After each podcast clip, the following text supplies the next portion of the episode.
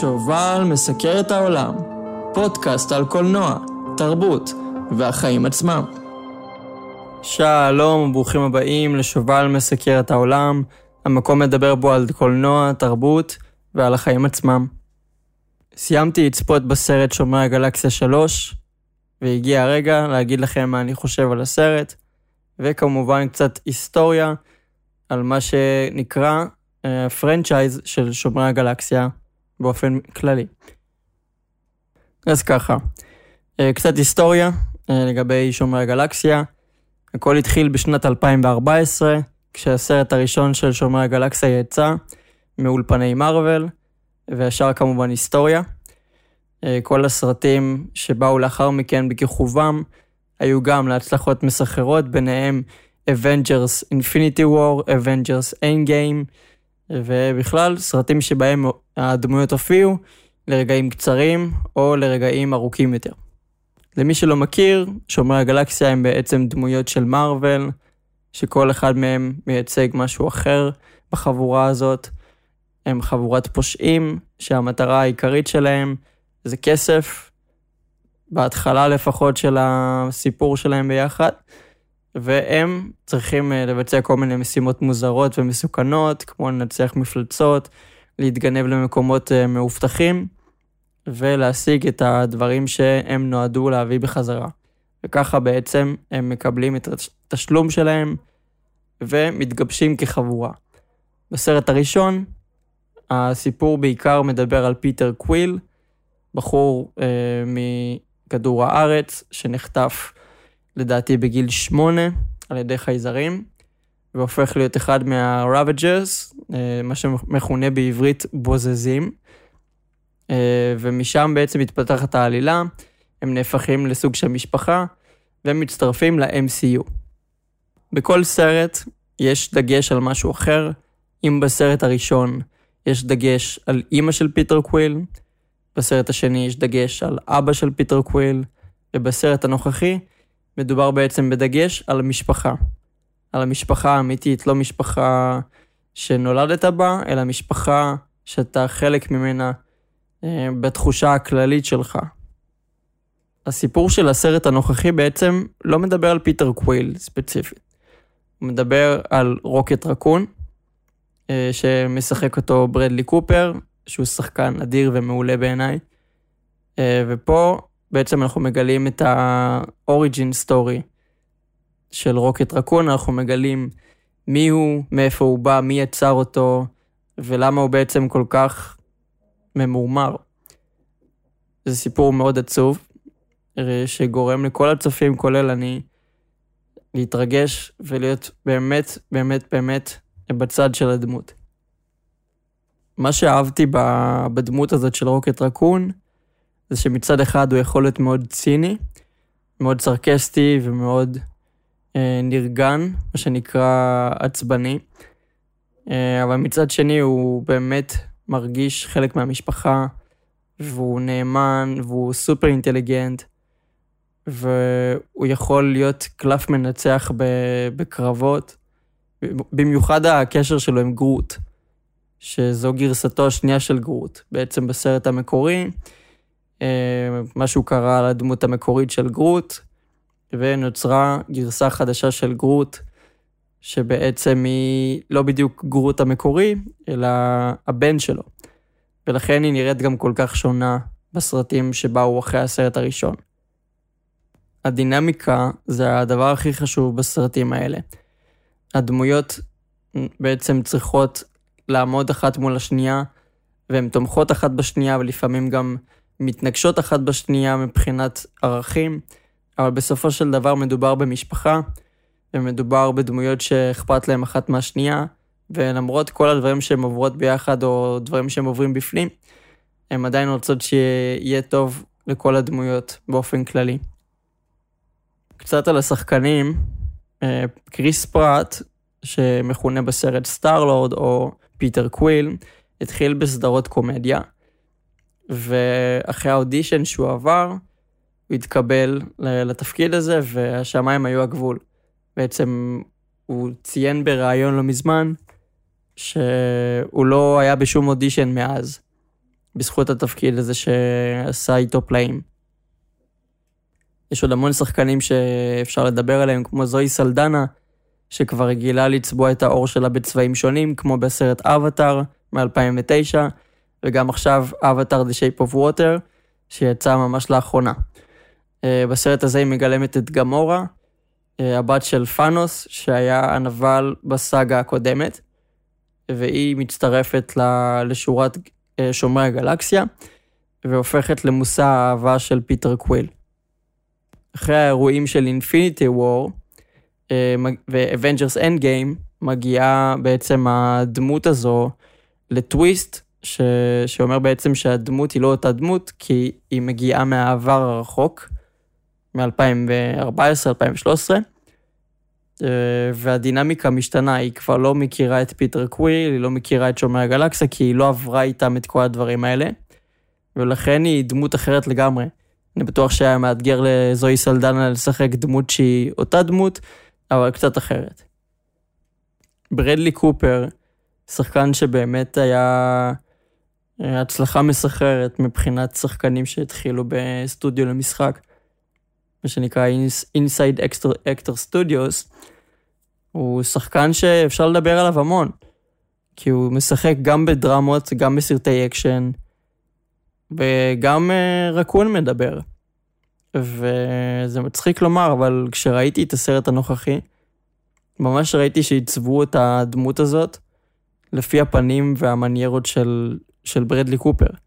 כי ממש אפשר לראות את הפנים שלו משתלבות בתוך הדמות, והוא שחקן אדיר, אז בכלל הדמות הזאת מקבלת ארבעה מימדים, לא שלושה מימדים, שזה מבחינתי משהו שהוא מאוד נחוץ לדמויות כאלה. בנוסף, יש עוד מספר שחקנים ששווה לדבר עליהם, כמו קארן גילן, שמשחקת את נבולה, אחותה של, של גמורה. יש גם את דראקס דה שמשחק אותו המתאבק לשעבר דייב בטיסטה, שהפך לשחקן בעל שם עולמי. לאחר שהחליט לפרוץ בתעשיית הקולנוע. הוא שיחק בחולית של דני וילנב, הוא שיחק ב Blade Runner 2049, והוא שיחק בשלל סרטים שמפגינים את יכולות המשחק שלו ומוכיחים אחת ולתמיד שהוא שחקן מן השורה, ולא רק זה, שהוא גם שחקן שמסוגל להתעלות על שחקנים אחרים, ושיש לו המון פוטנציאל. בסר, בסרטים האלה בעצם הוא מגלם דמות שהיא בסרט הראשון מאוד טרגית. דמות שאיבדה את הבת שלו ואת המשפחה שלו ורוצה לנקום.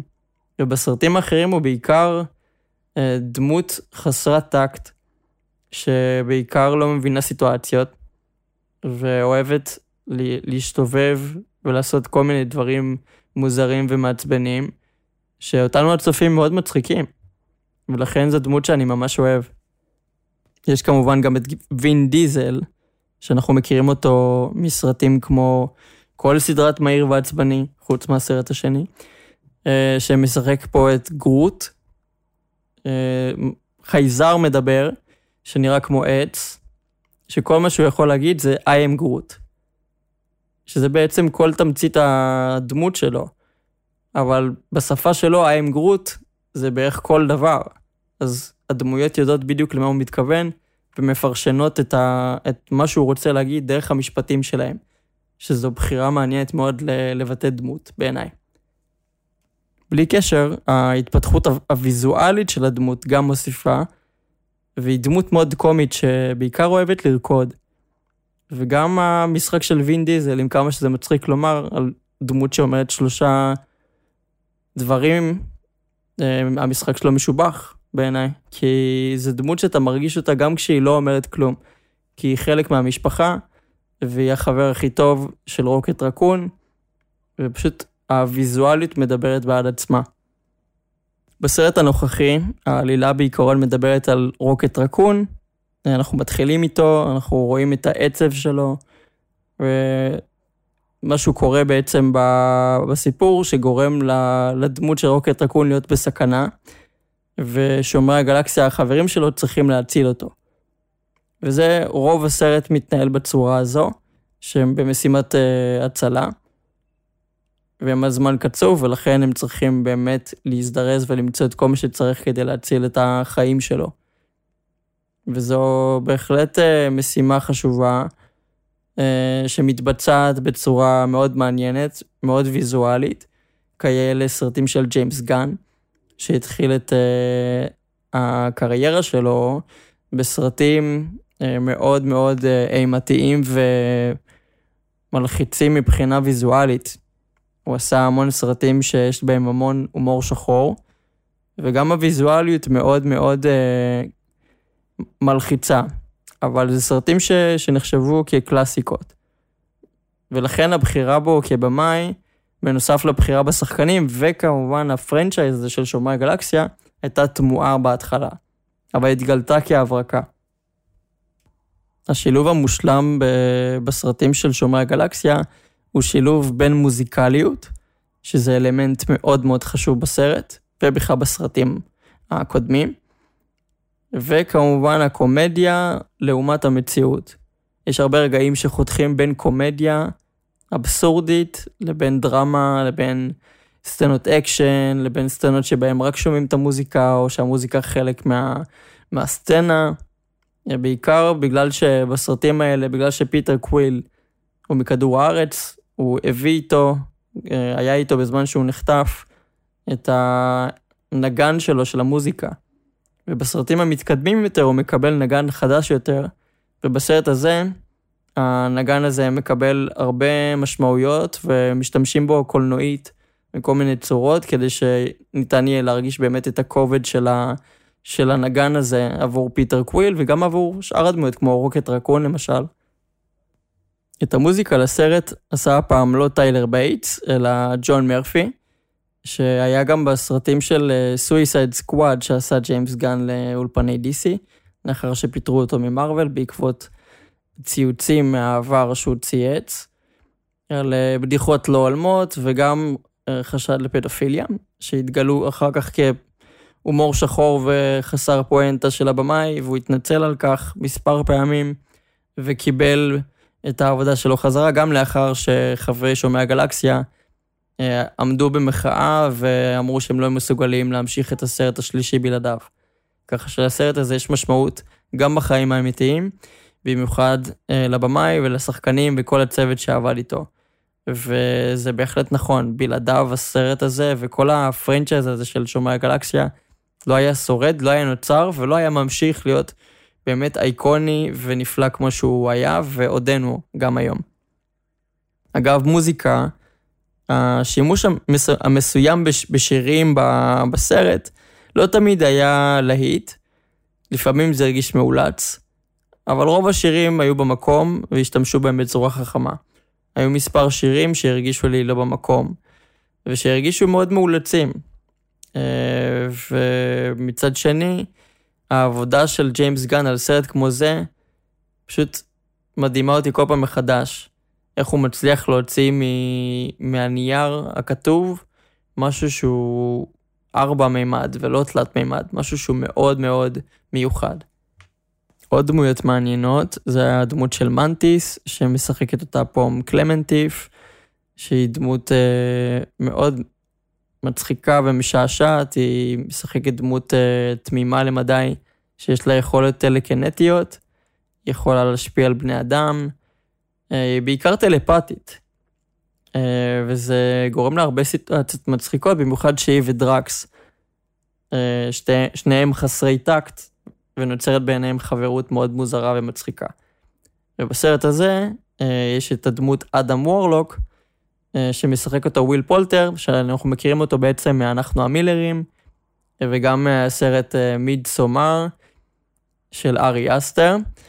אה, בכללי הוא היה בכל מיני סרטים כמו The Revenant, שהיה מדהים עם ליאונרדו דיקפריו, ופה הוא מגלם סוג של מישהו שנולד אתמול או היום.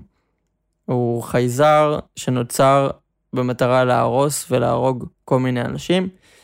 אבל הוא בקע מהביצה שלו, מה שנקרא, מוקדם מדי, ולכן הוא לא מושלם כמו שהם רצו, והוא לומד בעצמו על העולם הזה דרך העיניים שלו, ולומד ל- להבין מי בצד הטוב ומי בצד הרע של המפה. והוא משחק את הדמות הזאת, אה, לדעתי, לא רע בכלל. אבל הוא הרגיש קצת מיותר בסרט הזה, כי הם לא מצאו בו שימוש שהתאים ממש ל... ליכולות שלו, והוא בעיקר היה פלוט פוינט, מה שנקרא כלי ל... לנתב את העלילה קדימה. הוא לא באמת היה דמות מרכזית בסיפור הזה, ולדעתי הוא יחזור בהמשך, כי אם מציגים דמות חדשה בסרט, לרוב השאיפה זה להביא אותה שוב בסרטים uh, מתקדמים יותר, נקרא לזה. ולדעתי זה מה שיקרה גם פה. בשורה תחתונה מדובר בסרט שהוא סופה של, uh, סופה של תקופה בעולם שומרי הגלקסיה, והוא גם התחלה של משהו אחר. Uh, המוזיקה מדברת בעד עצמה, הוויזואליות, המשחק, הקאטים בין סצנה לסצנה, הלחימה, של שומרי הגלקסיה ביחד, הסיפור המרגש של רוקט רקון, שבאמת שווה אותי, והרגשתי שאני רוצה רק שיהיה לו טוב ושהוא יצא מהסיטואציה הזאת שהוא נקלע אליה ושהוא חי אותה כל יום. אה, ובעיקר עבודה נפלאה של ג'יימס גן, שעשה את זה שוב. הוא הצליח במשימה שלא הרבה קולנוענים מצליחים היום, וזה ייצור סרט מעניין, שעובד בעיני הצופה, הרבה יותר ממה שסרטים אה, בינוניים או בלוקבאסטרים אחרים עושים היום. זה לא הרגיש כמו סרט מארוול. בקטע של... זה פשוט לא הרגיש קשור לעלילה הכללית של כל היקום כרגע. זה היה סיפור בפני עצמו, והשפה הקולנועית הייתה קצת שונה, והיו הרבה יותר תכנים למבוגרים יותר, אה, כולל אה, מספר קללות, שבעיניי זה מבורך, כי בעולם האמיתי אנשים מקללים. ולא צריכים לייפות את הסרט הזה בשביל ילדים. ילדים הם הרבה יותר חכמים ויכולים להבין את זה בעצמם. אז אני חושב שהתוצאה מאוד מאוד יפה, בעיניי לפחות. עכשיו כשג'יימס גן אה, עזב את מארוול באופן סופי, לעומת התוכניות המקוריות של יקום שמתבסס כולו על הגלקסיה, הם לקחו עכשיו את הסיפור בעצם לכיוון של מולטיברס במקום, אז עכשיו ג'יימס, ג'יימס גן אה, עבר ל-DC והוא מנהל את אה, כל מה שקשור ל-DC. ואני מאמין שהאולפנים בידיים טובות, למרות שהוא נוטה לפעמים ללכת לאבסורדיות ולדמויות שאף אחד לא מכיר, וזה יכול להיות סיכון ממש גדול לאולפנים. אבל זה גם יכול להיות הצלחה מסחררת. שיכולה ממש לעשות לאולפנים האלה, מה שנקרא, אה, לידה מחדש. אבל אנחנו נחיה ונראה, יש עוד הרבה זמן עד שסופרמן לג'סי יצא לקולנוע, הוא אפילו עוד לא הופק. לכן יש המון המון המון זמן עד שהחזון של ג'יימס גן יקרום עור וגידים. כמה דברים נוספים על הסרט, אה, הוא קצת הרגיש לי ארוך ממה שהוא יכל להיות. אני מאמין שאם אני הייתי מביים את הסרט, או כצופה לפחות, אני מרגיש שהיה אפשר לחתוך ממנו קצת, והוא לא היה מרגיש כזה כבד. אבל, גם כאשר הוא הרגיש לי ארוך, הוא עדיין החזיק אותי בתוך הסרט, ולא הרגשתי שאני יוצא ממנו, חוץ מברגעים מסוימים. ועדיין, הבנייה של העולם הזה, והקונספטים, והאיפור, והתלבושות, והתפאורה, וכל המחשבה שעומדת מאחורי הדבר הזה, היא הייתה מדהימה בעיניי. אני התרגשתי כשהיה צריך להתרגש, אני צחקתי כשהיה צריך לצחוק. אני הייתי באמת אה, מופתע לטובה מסצנות הלחימה. כמובן שזה לא סרט אה, ברמת האוסקר, אבל זה לא משהו שאמור להיות קשור בכלל לסרט הזה. זה סרט שנועד לקחת את הסיפור של שומרי הגלקסיה ולשים אותו באקורד סיום. כמובן שכל אחד יפרשן את זה בצורה אחרת. כבר ידוע מראש שדייב בטיסטה לא יחזור לגלם את הדמות, וכבר ידוע מראש שזוהי סלדנה, ששיחקה את גמורה, גם לא תחזור לגלם את הדמות הזאת, בעיקר כי הם הרגישו שהסרט הזה לא משנה כמובן מה התוצאה שלו, אתם תראו בעצמכם. נתן לדמות שלהם סגירה טובה, וזה לא ספוילר בכלל. זה דברים שכתובים ברשת. אבל לדעתי, יש דמויות ש... שיכול להיות שיחזרו, אנחנו עוד לא יודעים מי. אני גם לא אגלה לכם, כי אני רוצה שתראו את הסרט בקולנוע, ותהנו ממנו עם כמה שפחות מידע. לכן אני לא עושה גם ביקורת ספוילרים. אלא אם כן תרצו, ואתם מוזמנים גם לכתוב את זה בתגובות. אם תרצו, אני אעשה ביקורת ספוילרים, ואני אספר את כל מה שאני חושב על סצנות מסוימות, ומה הייתי עושה אחרת, אם הייתי יכול לשכתב קצת את הסרט מההתחלה.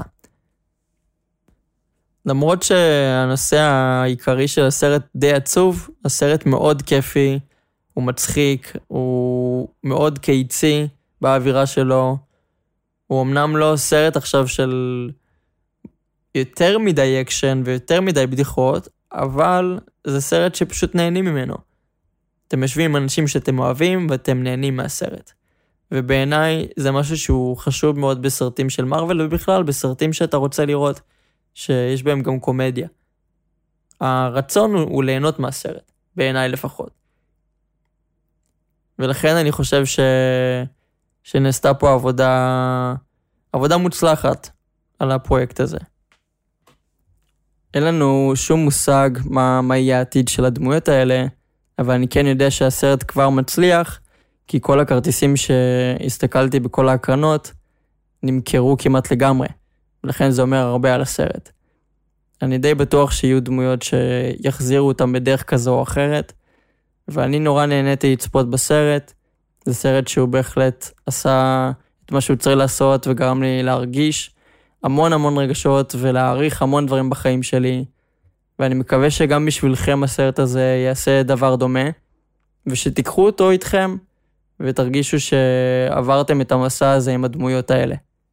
ומי שכמובן לא, לא צפה עדיין בסרטים הקודמים, זה הזמן להשלים פערים, לצפות בשומרי הגלקסיה, בשומרי הגלקסיה 2, ולבוא מוכנים יותר לסרט, כי אחרי שרואים את הסרטים הראשונים, המשמעויות של כל הדברים שקורים בסרט הרבה יותר מורגשות והרבה יותר כיף לצפות ככה בסרט השלישי והאחרון של שומרי הגלקסיה. אז בהחלט זה, זה משהו שאני ממליץ לכם לעשות. תכתבו לי בתגובות למטה איזה סרט של שומרי הגלקסיה הכי אהבתם, ובאופן כללי איזה דמות של שומרי הגלקסיה הכי אהבתם. אני אשמח לשמוע את דעתכם. תודה רבה שהאזנתם, אני שובל מסקר את העולם. אתם מוזמנים כמובן לעשות לייק, לשתף ולהצטרף אליי לעמוד כדי לעקוב ולקבל התראות נוספות על סרטונים, על, על פרקים חדשים. וכמובן, כמו שאני תמיד אומר, תישארו מעודכנים.